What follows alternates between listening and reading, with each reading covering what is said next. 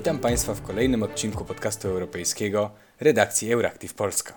W dzisiejszym odcinku skupimy się na tematyce praw człowieka i dwudziestoleciu Karty Praw Podstawowych Unii Europejskiej. Współczesne kraje chronią prawa człowieka i obywatela, wymieniając ich ochronę w konstytucjach. Również w Konstytucji RP wymienione są prawa i wolności obywatelskie. Prawa człowieka są również chronione przez dokumenty, pakty i konwencje międzynarodowe. Państwa sygnatariusze takich umów przyrzekają bronić i przestrzegać wymienionych w nich praw i wolności. Szczególnym przykładem takiego dokumentu prawnego jest Karta Praw Podstawowych. Jest ona bowiem porozumieniem ponadnarodowym, instytucjonalnym. Wiąże ona w działaniu wszystkie organy Unii Europejskiej, ale też kraje w tych obszarach, które stanowią kompetencje unijne. Zapraszam do wysłuchania wywiadu. Naszym gościem jest dr Mirosław Lubrewski, dyrektor Zespołu Prawa Konstytucyjnego, Międzynarodowego i Europejskiego w Biurze Rzecznika Praw Obywatelskich. Radca prawny, politolog, ale co najważniejsze z perspektywy naszej rozmowy, dr Mirosław Wróblewski to wieloletni współpracownik i pracownik Agencji Praw Podstawowych Unii Europejskiej, która zajmuje się ochroną, promocją i implementacją Karty Praw Podstawowych. Dzień dobry panu. Dzień dobry panu, dzień dobry państwu. E, zanim na dobre oddam Panu głos, e, pozwolę sobie wprowadzić naszych słuchaczy w tematykę Karty Praw Podstawowych Unii Europejskiej. Karta jest zbiorem podstawowych praw człowieka i zobowiązań obywatelskich podpisanym w dniu 7 grudnia 2000 roku w Nicei w imieniu Parlamentu Europejskiego, Rady Unii Europejskiej i Komisji Europejskiej. W 2007 roku karta z pewnymi poprawkami, o których za chwilę, została przyjęta przez przewodniczących tych organów na szczycie w Lizbonie. Dokument ten stał się prawnie wiążący na mocy traktatu z Lizbony, który wszedł w życie w dniu 1 grudnia 2009 roku. E, no i po tym wstępie chciałbym zadać Panu pytania dotyczące karty. E, jakby mógł Pan powiedzieć naszym słuchaczom, jaka jest rola Karty Praw Podstawowych w zapewnieniu prawnej ochrony praw człowieka, obywatela e, wśród obywateli Polski i Unii Europejskiej i czy to ograniczenie jest w ograniczenie w stosowaniu karty e, na podstawie polsko-brytyjskiego protokołu można uznać za ograniczenie stosowania tej karty w Polsce. Karta praw podstawowych, no tekst e, wynika już z tego, co Pan powiedział, jest stosunkowo młodym instrumentem ochrony praw człowieka. No, działa w Unii Europejskiej zaledwie lat 11, no, w porównaniu do Europejskiej Konwencji Praw Człowieka, która no, już mogłaby osiąga 70 e, lat. W Polsce oczywiście zdecydowanie krócej od 93 roku. Jednak no, posiada ona bardzo istotne znaczenie dla przestrzegania praw jednostek zarówno przez samą Unię, jej instytucje, organy i agencje, jak przez państwa członkowskie. Rzeczywiście istnieje pewne zastrzeżenie, które ogranicza działanie karty praw podstawowych i zapisanych w niej praw. To ograniczenie wynika jednak z artykułu 51 e, ustęp 1 karty, który stanowi, że ma ona zastosowanie wyłącznie w obszarze działania prawa e, Unii Europejskiej. E, no i z tego punktu widzenia, tam gdzie e, zawsze mamy jakieś unijne regulacje, będzie nas chronić Karta Praw Podstawowych i jej postanowienia. Skuteczność tych postanowień karty wynika stąd, że do jej przestrzegania e, są e, zobowiązane zarówno administracja państw członkowskich i wszystkie jej organy, jak i sądy, które ostatecznie da, nadają skuteczność karcie wraz z e, stojącym no, na czele tego systemu, tak można powiedzieć, Trybunałem Sprawiedliwości Unii Europejskiej. Karta powinna być uwzględniana zarówno w stosowaniu przepisów, jak i w przepisach prawa krajowego, które w jakikolwiek sposób wiąże się z prawem Unii Europejskiej. Jeżeli chodzi natomiast o protokół tak zwany polsko-brytyjski, no dzisiaj już wyłącznie po Brexicie protokół polski, tak można byłoby go nazwać, jego znaczenie zostało już wyjaśnione w orzecznictwie Trybunału Sprawiedliwości w sprawie NS już blisko 10 lat temu i to orzecznictwo jest e, zasadniczo podzielane przez e, polskie sądy. Trybunał Sprawiedliwości powiedział, że e, protokół nie stoi na przeszkodzie, żeby polscy obywatele mogli dochodzić realizacji praw wynikających z karty przed sądami i trybunałami. W związku z tym znaczenie tego protokołu jest przeceniane pod względem prawnym. Oczywiście on z punktu widzenia politycznego odgrywa często rolę i pojawia się w jakichś tam dyskusjach, natomiast nie ogranicza on już e, dzisiaj z pewnością praw polskich obywateli. Dobrze to wiedzieć, że nasi obywatele e, nie mają ograniczonej ochrony swoich praw. A w takim razie, bo wspominał Pan o e, Europejskiej Konwencji Praw Człowieka, rozumiem, że jest to dokument, który przygotowany został już, tak jak Pan wspomniał, przed 70 e, laty w ramach pracy Rady Europy. Czy mógłby nam Pan wyjaśnić, na czym polega współistnienie Europejskiej Konwencji Praw Człowieka z Kartą Praw Podstawowych? Czy w obszarach, w których te same prawa są wspominane zarówno przez jeden, jak i drugi dokument, to czy te dokumenty się na, sobie, na siebie nakładają, czy ta ochrona się wzajemnie jakoś uzupełnia?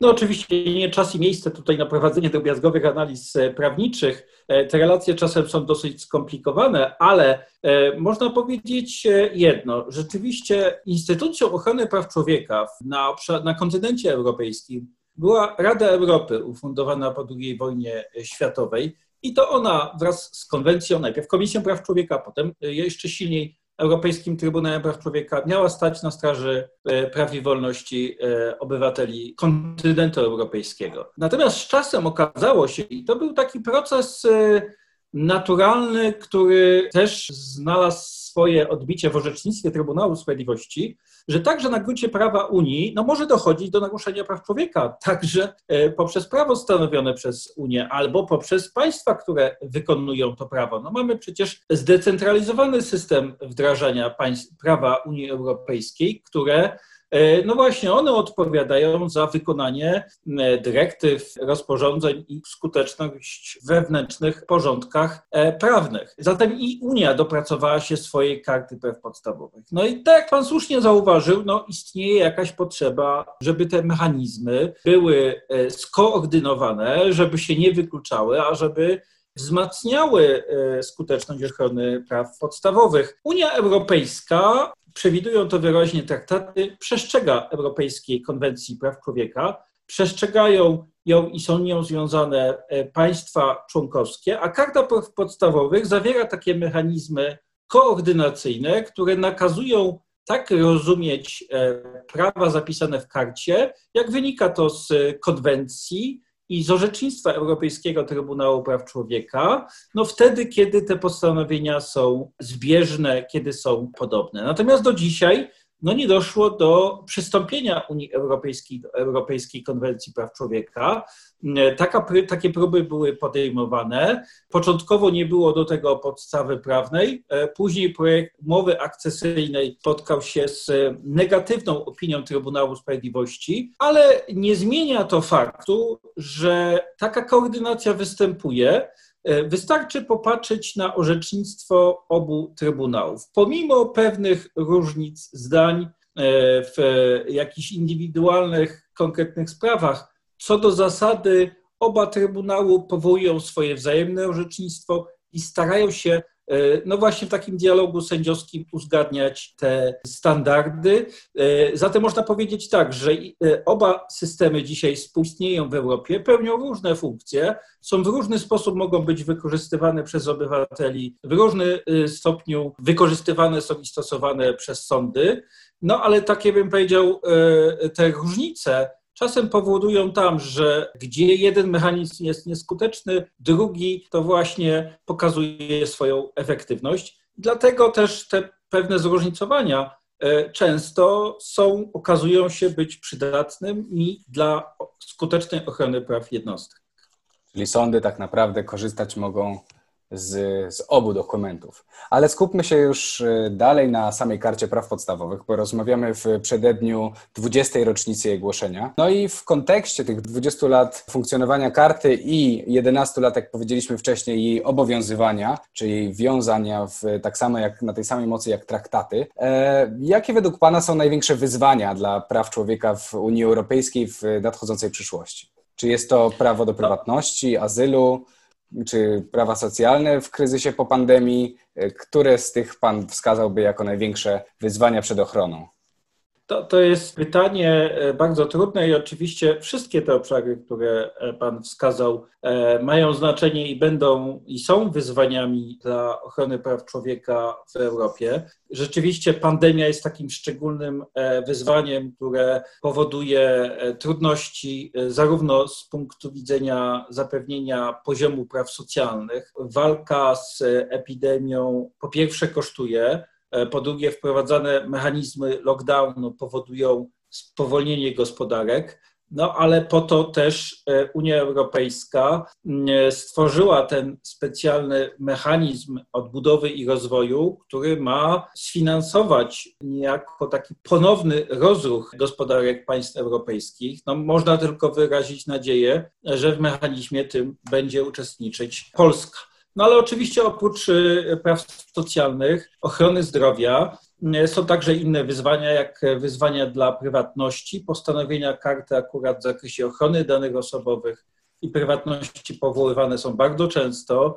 Rzeczywiście jest tak, że rządy mają tendencję do większej kontroli nad y, obywatelami w sytuacjach zagrożenia. Widzieliśmy to podczas w czasach zagrożenia takiego intensywnego terroryzmem. Dzisiaj widzimy to także w kontroli obywateli, no, na przykład przebywających e, w, w kwarantannie. Ale to także, bym powiedział, często, może nie wyzwanie, ale często stosowane przepisy karty praw podstawowych w zakresie prawa do dobrej administracji. No, tego, czego oczekujemy od administracji, E, to prawidłowe działanie, także w czasach kryzysu. I myślę, że to wciąż są, jest to postanowienie karty artykułu 41, który kryje w swojej treści duży potencjał, który powinien być wykorzystywany przez obywateli, i przez prawników. No i wreszcie można powiedzieć tak, z tym wszystkim wiąże się, jak mówiłem tutaj o sądach, prawo do y, sądu w kontekście ochrony praw człowieka jest postrzegane trochę jako takie metaprawo, czyli prawo, które pozwala na dochodzenie przed sądami innych praw, innych postanowień, tak? Skuteczne sformułowanie roszczeń, które zyskują ochronę sądową, no i wówczas możemy e, rzeczywiście wprowadzać w życie to, co gwarantuje nam Karta Praw e, Podstawowych. Zatem wydaje mi się, że właśnie także prawo do sądu, zaokreślone i gwarantowane w karcie, e, ma i będzie jeszcze zyskiwać na znaczeniu.